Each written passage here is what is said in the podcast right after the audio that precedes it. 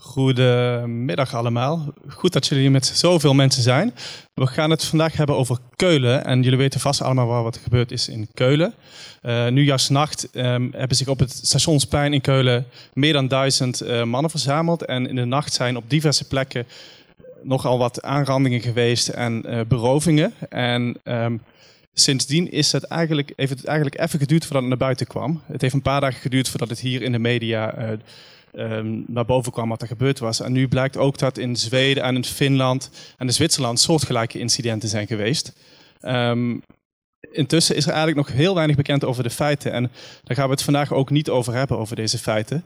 We gaan het vooral hebben vandaag over uh, politieke correctheid en over of dit überhaupt iets met cultuur en gender te maken heeft. En we hebben vandaag de gast uh, Niels Spierings. Niels Spierings is politiek socioloog en gendersocioloog. En hij zal vooral het cultuuraspect en het genderaspect belichten. Hij heeft ook onderzoek gedaan naar uh, gender in het Midden-Oosten. En daar kan hij vast ook het interessante over vertellen. Um, ethicus Marcel Becker hebben we vandaag ook te gast. Hij gaat iets vertellen over politieke correctheid. En vooral ook over de vraag van waarom heeft dit zo lang geduurd voordat het naar buiten is gekomen. En hoe gaat de politiek hier nu mee om en alle moeilijke kwesties die daarom spelen. Uh, ze gaan beide in gesprek uh, onder leiding van rechtsfilosoof Dirk Venema. Um, maar traditiegetrouw beginnen met een column en die wordt vandaag uitgesproken door parlementair historicus Peter van der Heijden. Peter. Een paar weken geleden ontving ik voor het eerst iets dat een beetje begint te lijken op een dreigmail. Ik had op tv en in een paar kranten iets gezegd over het gevaar voor de democratie van de mob rule in Geldermalsen. En dat schoot sommige mensen in het verkeerde keelgat. Er zal een dag aanbreken waarop polycormannetjes als jij onschadelijk gemaakt gaan worden door het volk. Jij bent een gehaat mens, schreef iemand mij. Overigens met vermelding van zijn naam en telefoonnummer. U zult wellicht begrijpen dat ik desalniettemin wat huiverig ben om over een wederom hoe dan ook aan de vluchtelingenkwestie gerelateerd probleem te spreken. Overigens, maar dat geheel terzijde, had mijn mailprogramma deze mail vol automatisch in de map junkmail geschoven. Reden waarom ik Apple van harte geluk wil wensen met de inhoudelijke kwaliteit van het ontwikkelde spamfilter. Maar het liet me niet echt los. Niet per se het feit dat ik zo'n mail kreeg. Dat is een kwestie van geduld als je publiekelijk wel eens wat zegt over gevoelige onderwerpen. Maar het was vooral dat laatste zinnetje dat bleef hangen. Jij bent een gehaat mens, stond er. Een gehaat mens. Ik kan me eerlijk gezegd de laatste keer nauwelijks herinneren dat iemand tegen mij zei dat hij, hij of zij mij haatte. Ik denk dat het een ex was die mij dat jaren na het einde van de relatie toevoegde. Daar kon ik me nog wel wat bij voorstellen. Zij had, hoewel ik haat wat overdreven vond, eerlijk gezegd wel redenen om niet al te positieve gevoelens voor mij te koesteren. Op zijn minst wist zij tegen wie ze het had. Zij kende mij. Dit in tegenstelling tot de afzender van deze mail. Die haat mij terwijl hij mij niet eens kent. Het enige dat hij van mij kent is een mening die hij ook nog eens selectief heeft laten binnenkomen, waarvan hij dan wel weer correct heeft aangenomen dat hij afweek van de zijne. En dus haat hij mij. Of in ieder geval, het feit dat ik een andere mening heb dan hij, zorgt ervoor dat ik gehaat word. Door wie is mij niet helemaal duidelijk. In de mail stond immers niet: ik haat jou, maar jij bent een gehaat mens. Plotseling werd mij hierdoor wel duidelijk wat er nu eigenlijk aan de hand is. Er heeft een zo enorme polarisatie plaatsgevonden op de trefwoorden buitenlanders, vluchtelingen en islam, dat er feitelijk geen gesprek meer mogelijk is. Elke nuance is verdwenen. Voor de goede orde, niet alleen aan de kant van hen die de vluchtelingen liefst zo snel mogelijk weer terugzenden. De andere kant, de kant die zonder enige reserve welkom vluchtelingen riep, zit net zo vast in zijn eigen gelijk en is net zo slecht in staat om een fatsoenlijk gesprek over het onderwerp te voeren.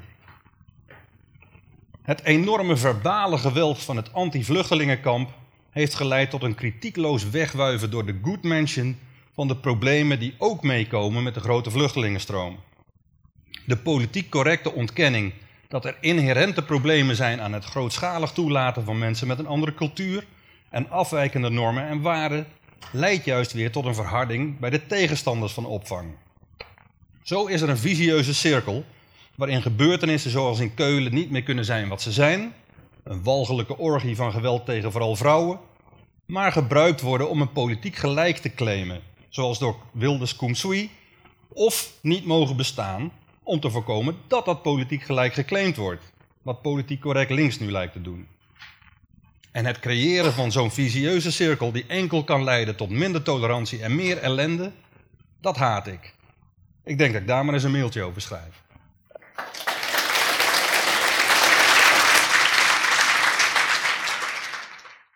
We gaan het uh, aan twee experts uh, vragen uh, wat we met deze informatie allemaal moeten. Hoe we daarover na kunnen denken, wat de achtergronden zouden kunnen zijn en hoe daarover gediscussieerd kan worden, of zou moeten worden. Um, laat ik eerst aan Niels Spierings vragen wat hij vanuit zijn achtergrond kan zeggen over ja, de mogelijke oorzaken van dergelijke gebeurtenissen.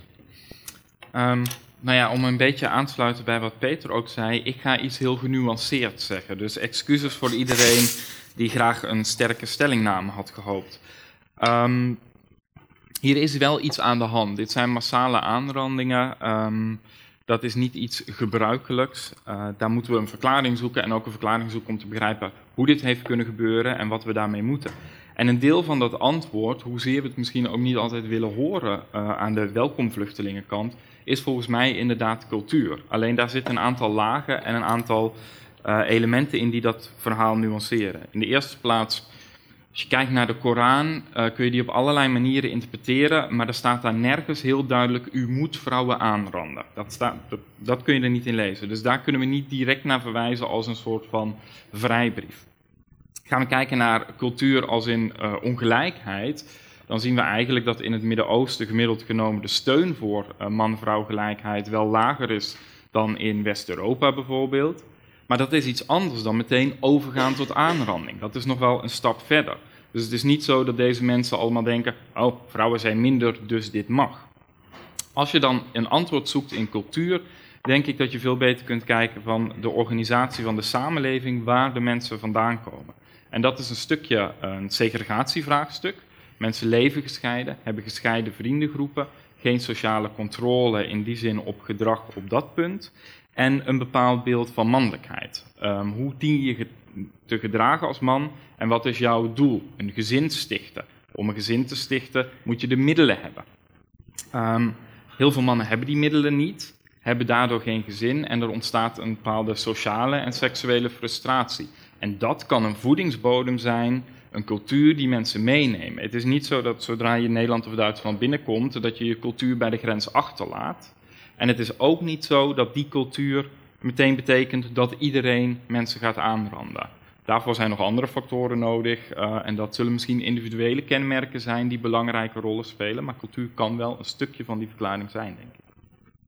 Eigenlijk is in, in zijn voorvraagje trouwens. Um, komt het dan ook vaker voor uh, onder uh, jonge mannen vanuit uh, Midden-Oostelijke culturen dan onder jonge mannen uit West-Europese culturen.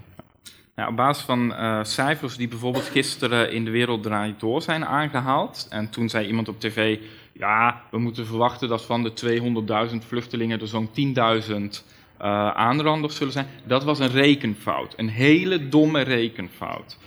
Op basis van die cijfers, die relatief betrouwbaar zijn, zouden we zeggen zo'n 300 potentiële daders. En ja, dat is gemiddeld genomen wat hoger dan onder uh, West-Europese Nederlandse mannen. Um, voor een deel zit die verklaring ook in leefsituatie. Bijvoorbeeld een van de reacties op die, dat cijfer was mee, ja, maar dat is vooral een effect van buurt. Ja, dat gaat niet op voor vluchtelingen, want vluchtelingen hebben niet al heel lang in een bepaalde buurt gewoond. Um, dus er is een lichte overrepresentatie. Uh, ja, die kunnen we niet ontkennen op dit moment. Oké. Dan wil ik eerst even naar uh, Marcel Becker toe om te vragen wat een um, politievoorlichter, een politicus of een ander uh, persoon die in de media optreedt met dit soort informatie kan. Of hoe de overheid met name um, om moet gaan met dit soort informatie. Moet dat ogenblikkelijk aan detail bekend worden gemaakt? Mag het worden achtergehouden totdat nader onderzoek is gedaan? Wat denk jij? Ja, nou, wat, wat, wat je in ieder geval niet moet doen in, ons, uh, in onze democratie, dat is jokken. Of liegen. Of dingen ontkennen die evident het geval zijn. Dus als ik dan hoor dat op een politiebureau heel andere uh, rapporten circuleerden over wat er gebeurd was, dan veilig naar buiten is gebracht, dan is dat een probleem. En nou, dat moet je in ieder geval uh, niet doen.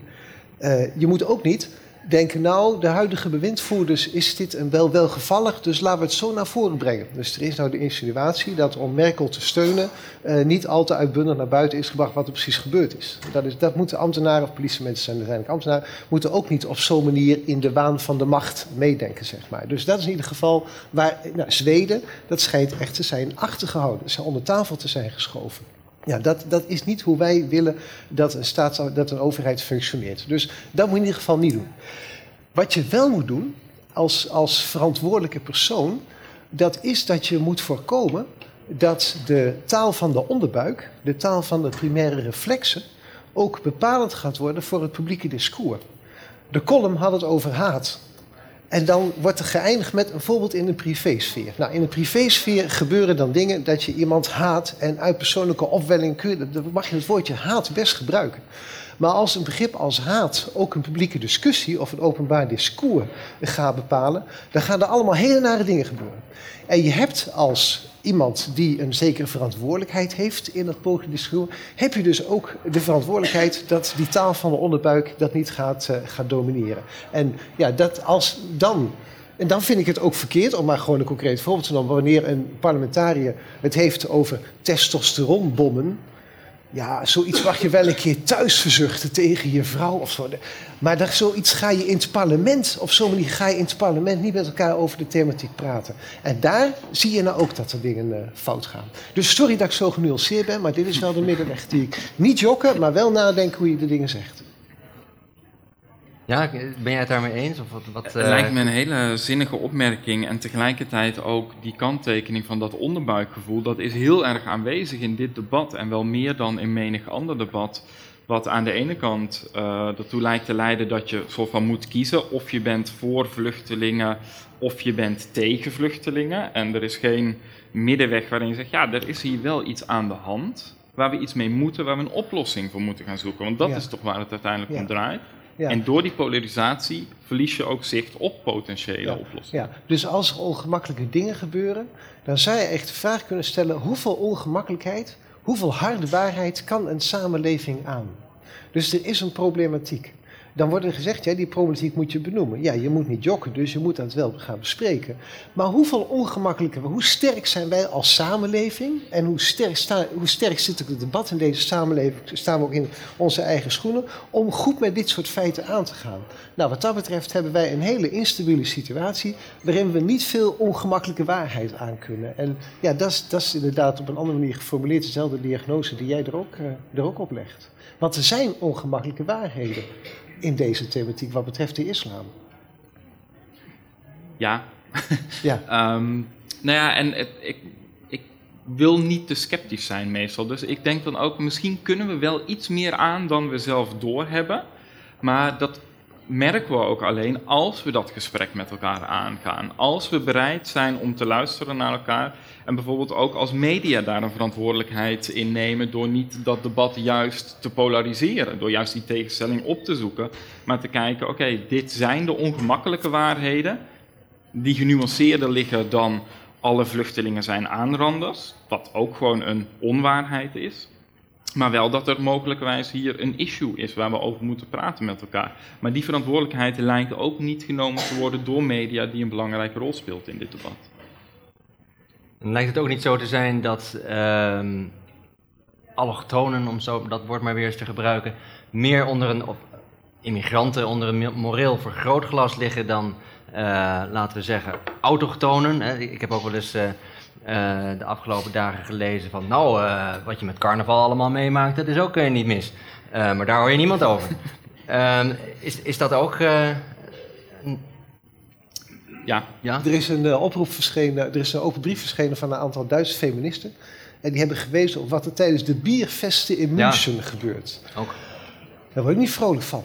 Ja, dat wordt niet als heel problematisch geagendeerd van kijk eens hoe, hoe vrouwonvriendelijk die bijers zijn. Nee, op die manier, nee, volstrekt niet. Maar dat is dan een Ik- context waarin men het gewend is, blijkbaar. En als Ja. het dan op oudejaarsnacht Ja. gebeurt, dan is het opeens iets nieuws. Ja, ja maar dat, ja, dat is dan wel de ongemakkelijkheid erin natuurlijk. En ook de, de selectiviteit en de media hebben daar een verantwoordelijkheid eh, in. En van de andere kant, ik heb ook... eh, gisteravond was Noordholt, de voormalige politiecommissaris... die zo stevige uitspraken kon doen eh, in de jaren negentig... en die nu, met- die met pensioen is, nog vrijer kan praten... dan die in de jaren negentig al kon praten.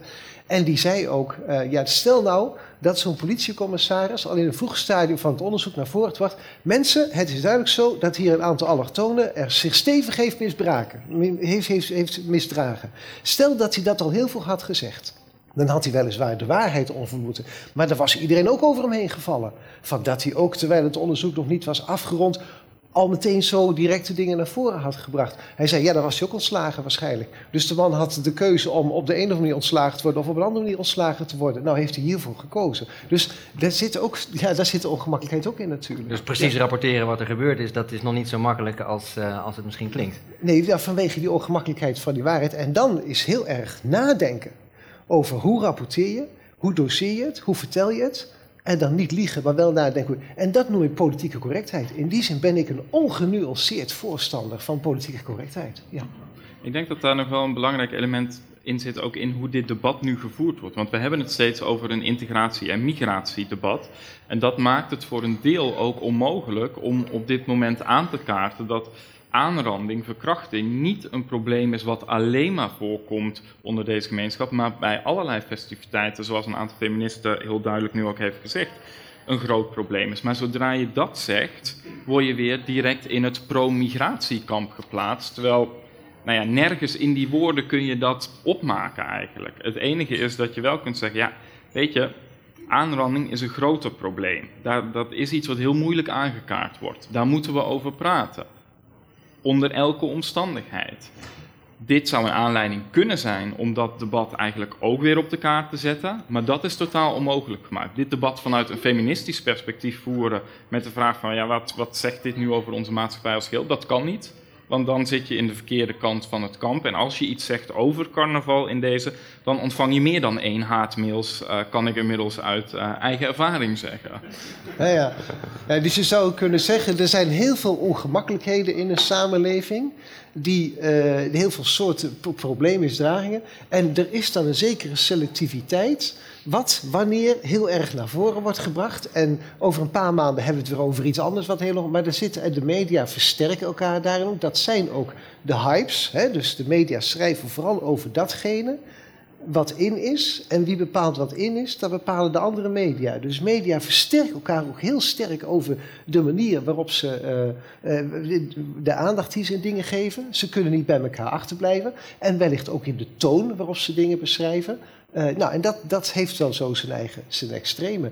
Eh, gisteren bekende in de Wereld Draait Door een journalist. En dat vond ik ook helemaal geen rare opmerking, maar natuurlijk wel een beetje bedenkelijk. In Duitsland is op Facebook heel veel viezigheid gespuit over vluchtelingen. Ik ken mensen die, daar, die in Duitsland wonen en die hebben wat, wat daar op Facebook over vluchtelingen, dat is het ergste van het ergste. Gisteren zegt een journalist, ja, en ik kan me voorstellen als je dat in Duitsland als journalist waarneemt, wat ga je dan doen? Dan ga je omwille van de helderheid van publiek ook een soort tegenwicht geven. Dus je krijgt onbewust, en dat soort processen kunnen zich ook onbewust bij journalisten afspelen, eerder een verdoezeling van de problemen, gezien de vuilspuiterij die er op Facebook is. Is dat nou goede journalistiek? Ja, eigenlijk niet, want je gaat dus ook een beetje dingen verbloemen.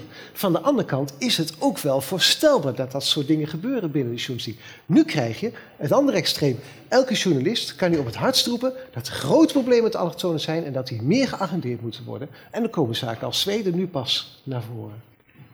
En vind je dan dat er ook een. eh, kijk, je kan je voorstellen dat bij overheidsinstanties er een, een duidelijke verantwoordelijkheid ligt eh, omtrent eh, beeldvorming. maar geldt dat ook voor de journalistiek? Hè? Je, je kan je voorstellen dat, dat journalisten, dat zijn toch een beetje vrije jongens, die kunnen afhankelijk van het medium waar ze voor werken, de ene of de andere politieke of andere mening wat sterker naar voren brengen. Zouden die ook een grotere maatschappelijke verantwoordelijkheid moeten nemen, denk je? Nou, journalisten hebben altijd een bepaalde maatschappelijke verantwoordelijkheid. En altijd de manier waarop je feiten naar buiten. Feiten zijn geen neutrale dingen. Dat is ook een van de, van de, van de thema's die hierin spelen. Uh, feiten zijn feiten en journalist moet alleen maar feiten geven. Oké, okay, zegt men wel. En in de ethische codes voor journalisten staat ook altijd dat je objectief en dat je neutraal moet zijn. Tegelijkertijd, elk feit wordt gebracht vanuit een bepaalde kleuring, vanuit een bepaalde achtergrond, vanuit een bepaalde timing. Nou, met journalisten, als ik daarover discussieer met, met die kant van het werk, van ze kunnen, in wezen kunnen ze nooit neutraal zijn. Ze geven altijd iets mee in de manier waarop ze het vertellen. Nou, zich goed beseffen wat je woorden dan doen in een publieke maat en een publieke discussie. Nou, dat besef moet constant met journalisten meelopen. En het kan best zijn dat het wel eens verloren gaat.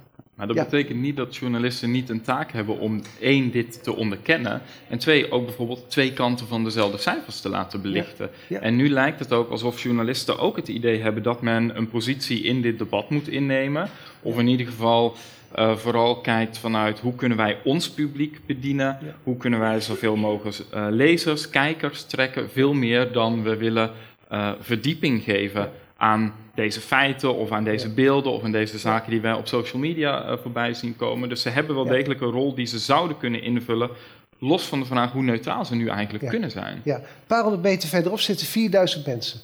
Mij is geen groot incident bekend wat in Nijmegen heeft plaatsgevonden, dat, terwijl daar 4000 mensen zitten uit die cultuur waarvan alles. Het kan best zijn dat die incidenten hebben plaatsgevonden, maar dat journalisten daar expres niet over schrijven. Het kan ook zijn dat er inderdaad heel weinig gebeurt. En dan mogen journalisten dat ook wel opschrijven. Dat, er, dat hier in Nijmegen met zoveel duizend mensen vlakbij het centrum, dat er niks gebeurt. Doe, in, dat, in dat helderheid brengen over, daar hebben journalisten een taak en een verantwoordelijkheid in de ene kant op en de andere kant op. Dus eigenlijk zou je bij elke verkrachting en aanranding meteen alle statistieken van dat jaar uh, uitgesplitst naar gender, naar alloch, uh, allochtonen, autochtonen moeten nou, publiceren om het in de context te zetten. En niet, niet alleen zoeken naar statistieken die, die dat ene geval ook bevestigen. En de insinuatie bij het ene geval ook meteen bevestigen. Mm -hmm. ja. Ja, en niet alleen focussen op daar waar het dan inderdaad misgaat. Want als je over Heumensoort spreekt, daar zijn ook wel incidenten. Ik, bedoel, ik ken de verhalen en vandaag uh, vergadert de gemeenteraad uh, hierover. Worden de vragen gesteld aan de wethouder over het al dan niet uh, handelen in het oprichten van safe houses voor LGBT-vluchtelingen op Heumensoort die gepest worden enzovoort. Dus er zijn wel incidenten, maar inderdaad, de media focust op het moment dat het misgaat. En het feit dat het dus al heel lang eigenlijk ook relatief goed gaat, gegeven de situatie, dat horen we dan weer niet. Ja, ja. dat is jammer. Ja. ja. Zijn er uh, vanuit jouw uh, kennis kan je zeggen, zou je kunnen zeggen dat er bepaalde maatregelen of zo genomen zouden moeten worden om, om uh, deze problematiek aan te pakken? Of, of zeg je van ja, mm dit gaat vanzelf over? Uh, nou ja, tot op heden heeft ons geleerd dat aanranding en dergelijke niet vanzelf overgaat. In de eerste plaats, het moet bespreekbaar zijn. Dat is een algemeen punt. Uh, in de tweede plaats, daders moet je simpelweg aanpakken. Daar zijn strafmaatregelen voor, die moet je implementeren. Ga je dan kijken naar het bredere patroon van die culturele ontwikkeling, um, dan zit je zowel op specifieke doelgroep-issues als op de maatschappij als geheel. Qua doelgroep ga ik allemaal onpopulaire dingen nu zeggen. Um, kun je focussen op de vrouwen, de moeders, de zussen. Ga die emanciperen. Ga juist de zelforganisatie ondersteunen, zodat er sociale controle ontstaat. Ga nog eens kijken naar de rol die bijvoorbeeld religie kan spelen in het voorkomen van deze zaken. Dus uh, maak bespreekbaar hoe je op verschillende manieren de Koran en de Hadith kunt interpreteren en hoe dat dus eigenlijk zegt, dit mag je niet doen. Voor een groep die zelf religieus is en ook voor een deel veel belang hecht aan hun uh, religieuze uh, moraal, zou dat wel degelijk een argument kunnen zijn om juist wat terughoudend te zijn op zo'n moment. Um, meer algemeen moeten we ons de vraag eens een keer stellen van ja, hoe gaan wij überhaupt om met seksualiteit en de seksualisering van vrouwen in de maatschappij? En hoe leidt dat onder andere ook tot een cultuur van ja, maar ik mag wel aan een vrouw zitten, aan een borst uh, voelen, aan een bil voelen op het moment dat iemand vlak bij mij staat en het toch niet echt doorheeft. Dus dat is een breder patroon. Ja. Ja. Maar dat betekent dus dat die mensen die pleiten voor toename van vluchtelingen ook moeten erkennen dat met iedere vluchteling die wordt toegelaten ook zo een traject, hè, de, ook dat soort maten, dat we daar ook in moeten investeren. We laten ze niet alleen toe om ze een bed, bad en brood te geven, of, maar we laten ze ook toe van het idee van dat we ook op een andere manier in moeten investeren om ze een beetje mee te laten lopen. En daar moet je ook eerlijk in zijn. Wat dat allemaal voor extra kosten moet ze met zich meebrengt. En dat is inderdaad meer dan naïef, naïef je armen open doen voor ze. Het vraagt ook om, Ja. om juist meer, snellere integratie eh, mogelijk maken Ja. eh, dan eh, tot nu toe eh, lijkt te worden. eh nou, dergelijk pleidooi hoorde ik gisteren Noordholt ook voor de televisie zeggen. Die zeggen van ja, die vluchtelingen zitten daar geïsoleerd en die kunnen niks doen. En als je ze eerder gewoon in de samenleving, als je ze gewoon wat werken, wat te doen geeft, waar GroenLinks ook voor pleit, dan heb je minder incidenten. Ja, da- daar moet je er serieus over nadenken. Maar het waar het om gaat om mij is dat je dus ook moet, ook actief moet nadenken, hoe gaan wij met die mensen om? In plaats van alleen maar, ze zijn zielig en ze hebben nu onderdak nodig. Ja, dat is ook het geval, maar daar houdt het niet op. Als je het een denkt, dan moet je ook het andere denken. En dat zou ik ook graag in het publieke debat terug willen zien. Misschien nog één puntje voordat we dan eh, u ook de gelegenheid eh, kunnen geven om wat vragen en opmerkingen te plaatsen. Ehm, je kan natuurlijk ook het radicale standpunt innemen dat je zegt van er moet helemaal gewoon niks meer bekendgemaakt worden eh, over de, de ehm, etnische achtergrond van mensen die bepaalde misdrijven plegen. Gewoon helemaal niet.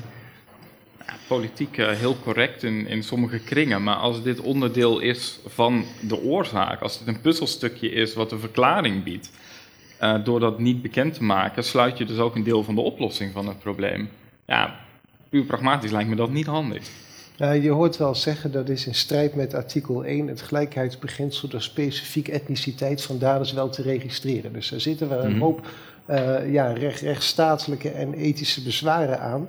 Eh, goed, maar ethische bezwaren kun je altijd opzij zetten wanneer er evidente noodzaak is om het te doen. Maar dan zou ik zeggen, van, dan, moet dan moet de discussie zo gaan van het is problematisch om zo'n handeling door te voeren. En dan kun je daar, waarom moeten ook niet andere karakteristieken van mensen ook gelijk geregistreerd worden? Dus een hele ingewikkelde discussie. Oké, wanneer er dan evident dat nodig is vanwege de urgentie van het probleem, nou, dan mag je daar hardop over, eh, over nadenken. Maar dat is dan weer een detaildiscussie. Maar dat automatisme, om dat zomaar ook gelijk te gaan doen, ja, daar zou ik er geen voorstander van zijn.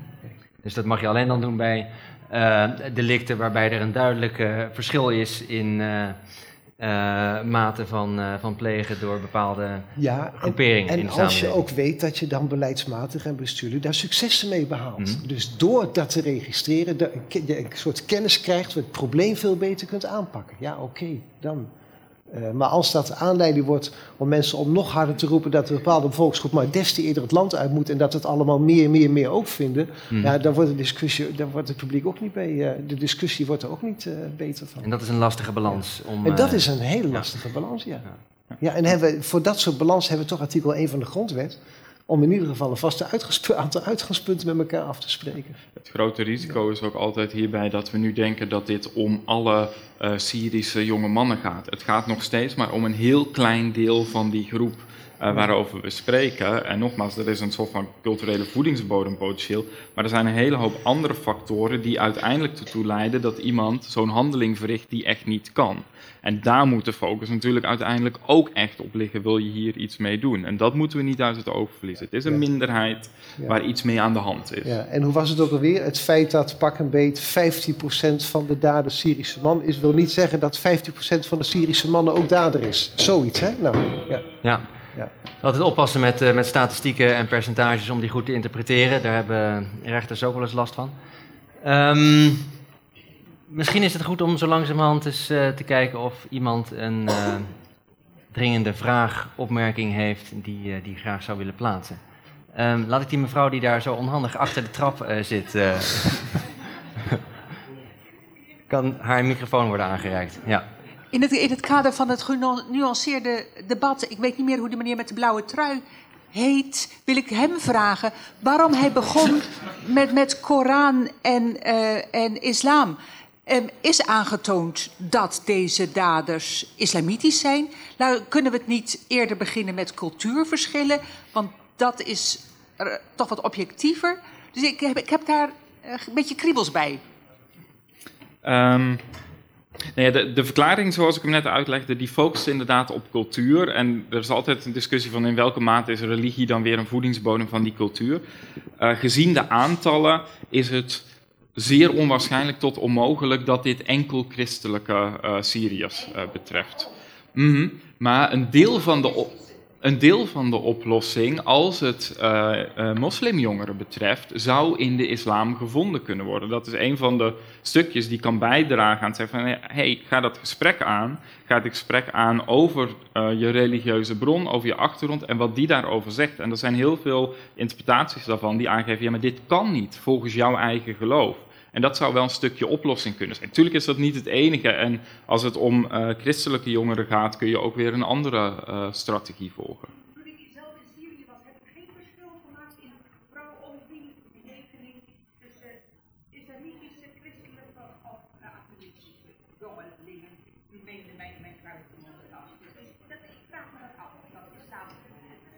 Nee, maar de, het, de oorzaak lijkt meer cultureel, maar de oplossing kan voor een stukje in de religie liggen. Dat is uh, wat ik wil zeggen hier. Oké, okay, deze mevrouw hier helemaal vooraan. Uh. Ja, ik zou iets willen toevoegen vanuit uh, lezingen die ik in de jaren negentig met Willy Jansen, antropoloog hier aan de universiteit, net met pensioen, heb gegeven over seksualiteit in christendom en islam. Ik ben zelf ja, een redelijk kenner van de christelijke traditie, Willy Jansen van de islamitische traditie. Ik wil hier niet in generaliseringen vervallen. Maar wat uit uh, de lezingen die wij gaven als een verschil naar voren kwam tussen die twee tussen die, uh, tradities was. Ja, het moet toch even algemeen zijn dat de christelijke traditie heeft van het begin af aan, um, moet je zeggen, ingezet omdat ze de seksualiteit als zonde beschouwden. Als zonde. Voor alle mensen, maar zeker ook voor mannen, want ze beschouwden mannen als testosteronbommen. Uh, de christelijke traditie heeft van het begin af aan ingezet op zelfbeheersing. Van mannen en vrouwen, maar mannen maanden ze daar uh, vooral toe. We kennen het celibaat. We kennen nog steeds bijvoorbeeld in de katholieke traditie het verbod op voorbehoedmiddelen dat vloeit direct voort uit de nadruk uh, op zelfbeheersing. Als het gaat om seksualiteit. Seksualiteit was zo'n beetje het voorbeeld van de zonde in het algemeen. Augustinus is daar de erflater van. De islamitische traditie heeft in zijn algemeenheid meer ingezet op segregatie van de seksen. Met name in de publieke ruimte. Binnen het huwelijk was veel meer mogelijk qua genieten van seksualiteit. Ik weet niet of iemand van jullie wel eens boven in Parijs in de bovenste verdieping van Lafayette uh, heeft rondgelopen. Daar hangt de dure lingerie. Daar zie je alleen maar vrouwen in boerka rondlopen. Er mocht genoten worden van seksualiteit in de islam, maar binnen natuurlijk. In de, in de publieke ruimte moesten vrouwen zoveel mogelijk. Ik, ik, ik, ken niet alle culturele verschillen, maar we kennen de sluiering van vrouwen in alle verschillende vormen. We kennen verhalen van studenten die zeggen: ja, ik voel me gewoon prettiger als ik gesluit ben, want dan kan ik studeren, dan kan ik veel meer doen. Uh, in Heumensoord kennen ken ik zelf van vrijwilligers dus de verhalen dat je weinig vrouwen ziet. Vrouwen houden zich wat afzijdig. Er is een groot verschil, en nou ga ik toch iets heel algemeens zeggen, als het gaat om de omgang met seksualiteit in de christelijke traditie en in de islam. Met als gevolg dat in de islam uh, genieten van seksualiteit heel lang veel makkelijker was. In het christendom zijn we in de jaren zestig helemaal omgeslagen. in, de, uh, in de popfestivals gingen alle kleren uit. Werd er ook waarschijnlijk in kruisen getast. Er wordt nog steeds overal, ook door christenen, door atheïsten, ben het helemaal met me voor eens, uh, in kruisen getast. Maar er is wel degelijk een diep cultureel verschil in de omgang met seksualiteit en bijgevolg ook de omgang met, met gender en met man-vrouw verschillen in de christelijke en in de islamitische traditie. En ik denk dat daar veel aandacht aan moet worden besteed. In, in de integratie, in, in ja, de opvoeding van mannen en vrouwen in christendom en islam. Ja. ja. Ja, ik zou Niels even de vraag of je dat, dat ja. herkent. Dat, want ik vind, ik vind het een heel goede opmerking, maar ik weet niet of je... Nou ja, nog los van, van de exacte culturele verschillen, als ik gewoon focus op um, een, een, breed patroon eigenlijk in het Midden-Oosten, dan is segregatie daar wel een onderdeel van. En dat lijkt hier een voedingsbodem te zijn, waarbij ik nog zou willen aanvullen dat um, er een groot verschil zit tussen voor en na huwelijk of tijdens huwelijk. En inderdaad, tijdens huwelijk kan er heel veel. Voor het huwelijk... Um, kan er heel weinig. En dat betekent ook bijvoorbeeld dat als je als meisje wordt aangerand voor het huwelijk, dat er nog veel meer taboe en drempels zijn om daar iets aan te doen. Want dat tast jouw eerbaarheid aan, dat vermindert jouw waarde op de huwelijksmarkt, dus het is nog onbespreekbaarder. En het zijn al die culturele stukjes die optellen en wat mensen meenemen, ook als ze vluchten uit Syrië, wat dus een stukje van dat verhaal kan zijn. Ik denk, dit is dan een prachtig voorbeeld van hoe je niet kunt zeggen dat één cultuur slecht is en de andere cultuur goed is. Die beide culturele systemen zijn duizenden jaren als zelfstandige systemen hebben die goed kunnen functioneren. Dus het probleem is niet dat daar een bepaald cultureel systeem slecht of zo zou zijn. Maar het probleem is dat als je die twee culturen gaat mengen, bij elkaar gaat brengen, ja, dan krijg je een bepaald explosief mengsel. En daar zijn we nou getuigen van zijn. Dus, dus dat is ook een, van de dingen met globalisering. Dan komen systemen die op zich goed functioneren, komen bij elkaar en dan gaan er dingen mis. Nou, dan moet je de analyse van het probleem moet je ook zo voltrekken. En de oplossingsprobleem moet je in die termen dan ook, uh, dan ook zoeken. Ik vind het een hele mooie aanvulling, uh, het debat. Ja. Eén, één reactie erop, dat ik wel echt vind dat we moeten opletten door te spreken in termen van twee culturele blokken. Ja, er zijn verschillen en tegelijkertijd binnen het Midden-Oosten zijn er ook gigantisch veel verschillen. Zijn er uh, veel groeperingen, feministische beweging, moslimfeminisme, islamitisch feminisme, die ook deze strijd voeren. Die net zo goed de argumenten geven waarom het niet volgens de uh, Koran zou uh, kunnen dat je zo met vrouwen zou omgaan. Um, er is veel diversiteit binnen deze gemeenschappen, ook wat voor een deel een stukje weer van de oplossing zou kunnen zijn. Maar door zo te spreken over twee blokken, versimplificeren we soms de wereld ook wel heel erg en drijven we mensen ook in de positie dat ze moeten kiezen. Ben je westers of ben je islamitisch Midden-Oosters? En niet, ja, maar ik verenig hier bepaalde. Ik ben moslim en ik ben homo. Dat, dat moet ook kunnen. Dat is de vooruitgang die je ook moet proberen te bewerkstelligen. Die meneer daar aan de zijkant had nog een vraag. Ja.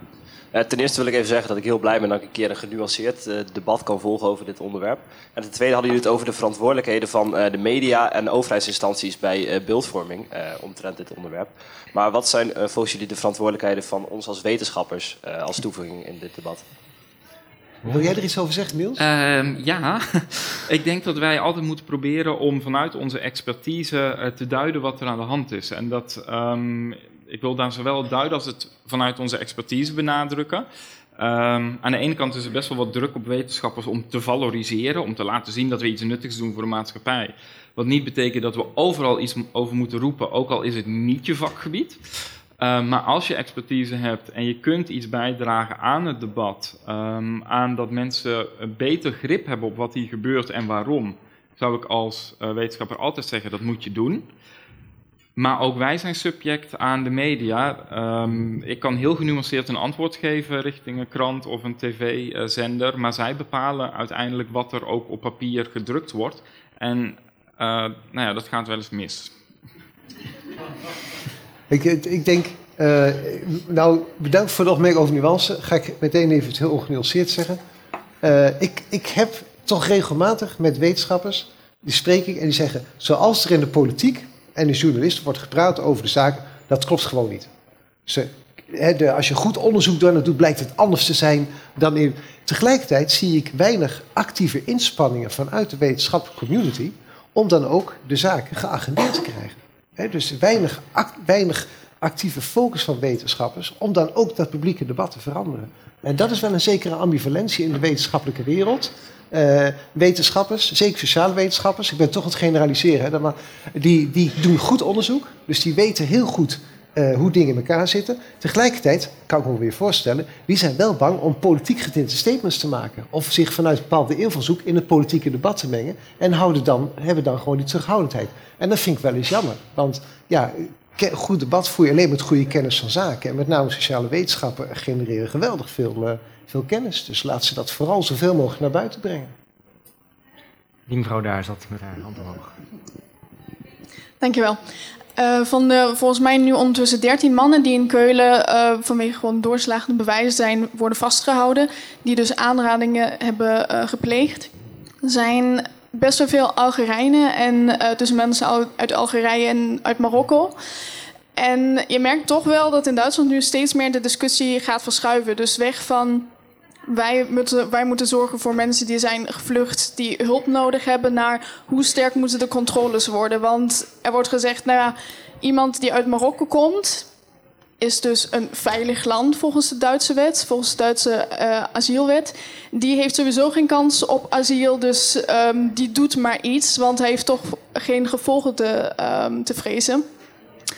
En je merkt nu ook ondertussen in verschillende Duitse media, zoals ook Spiegel, Zeit Online, maar ook bij Duitse politici zoals Christina Schreuder eh, laatst in, eh, in de grote tv-programma. Dat de discussie steeds algemener wordt. Dus steeds meer naar moeten wij meer controles invoeren? Hoe sterk moeten wij controleren? Ehm, kunnen Syrische documenten kunnen die vervalst worden? En mijn vraag aan u is: wat denkt u is de kans dat deze discussie, dus die steeds groter en polariserend wordende discussie, ook in Nederland uh, gaat gebeuren? Ja, Goeie vraag. eh, Je kunt, ja, hoeveel, hoeveel, hoeveel waarheid kunnen we aan, heb ik daar straks gezegd. Mhm. Nou, de, de manier waarop dit hierover gediscussieerd wordt, de reacties, denk ik dat we als samenleving wat dat betreft eh, niet, niet erg weerbaar zijn. En naarmate een samenleving minder weerbaar is, zal de reflex zich ontwikkelen dat ze de problemen buiten wil houden. Als je de eigen problemen die er nu zijn moeilijk kunt oplossen, dan ga je inderdaad meer kijken, nou in ieder geval de problemen niet groter laten, laten worden. Dus je vraag was van, denk je dat? Ja, ik denk dat in die kant de discussie ook, dat het daar naartoe ook zal gaan, eh, gaan verschuiven. Ja. ja, maar dat is, dat is een teken van eigen zwakte. Dat is een teken dat we zelf die weerbaarheid te weinig hebben voor dit soort ongemakkelijkheden, ongemakkelijke waarheden. Deze meneer hier. Ik eh, wou aan de beide heren eens vragen. Ehm, ik heb wat ervaring in het Midden-Oosten. Ik ben daar in Beirut geweest. Ik heb dat allemaal gezien. Mevrouw, u hoeft niet naar Lafayette te gaan, maar gaat u maar gewoon naar het zoek daar. Maar wat ik wilde vragen is: er is een heel groot verschil in zelfreflectie, in reflectie, tot daden die wij doen en verantwoording die we moeten afleggen als Nederlander, West-Europeaan. En de kijk die de mensen uit de andere cultuur hebben. Zij beroepen zich heel vaak op groepseer. Zij beroepen zich graag op familieeer. Zij vinden alles goed als de eer maar niet wordt aangetast. Ik zou graag uw visie daar eens op willen hebben. Ja, dat is een eh, belangrijk eh, aspect. Ik denk dat het eeraspect eh, is gekoppeld aan het idee van mannelijkheid, van vrouwelijkheid. Heeft te maken met de huwelijksmarkt. Hoe eerbaar ben je nog als vrouw? Wat is je waarde op de huwelijksmarkt? Ehm, en een grotere nadruk op bijvoorbeeld familie en gezin dan op individu. Dat zijn patronen die je wel kunt ontwaren. Ehm, ik wil niet zo ver gaan om meteen te zeggen dat dat betekent dat er geen sprake is van zelfreflectie. Je kunt ook reflecteren op die positie die je inneemt. Dus dat gesprek daarover en wat betekent dat, dat kun je nog steeds aangaan. Je kunt ook het gesprek aangaan over eh, simpelweg wat is toelaatbaar en wat is niet toelaatbaar in onze maatschappij. Dus nog los, eh, ik had het eerder al over je, als je de grens oversteekt, laat je niet je cultuur achter, maar je komt wel in een situatie met nieuwe wetten en nieuwe regels. Die moet iedereen opvolgen. Daar kun je het gesprek over aangaan. Mag je het niet mee eens zijn, dat is de reflectiedeel, maar daarvoor hebben we bepaalde politieke processen. Ehm, dus ik, ik, ik weet niet of we zelfreflectie ehm, zo moeten koppelen aan eer. Terwijl ik wel ehm, het stukje erken dat de eercultuur sterker is in het Midden-Oosten. Mag ik daar nog een invraag op stellen, alstublieft? Ja. Eh, wat mij dus opvalt in uw redeneertrand is dat ehm, als je bij een incultuur ehm, groepseer en dat soort zaken hoog hebt staan, dan verdedigt de groep jou ook doordat de argumenten altijd bij de ander worden gelegd, altijd buiten jezelf.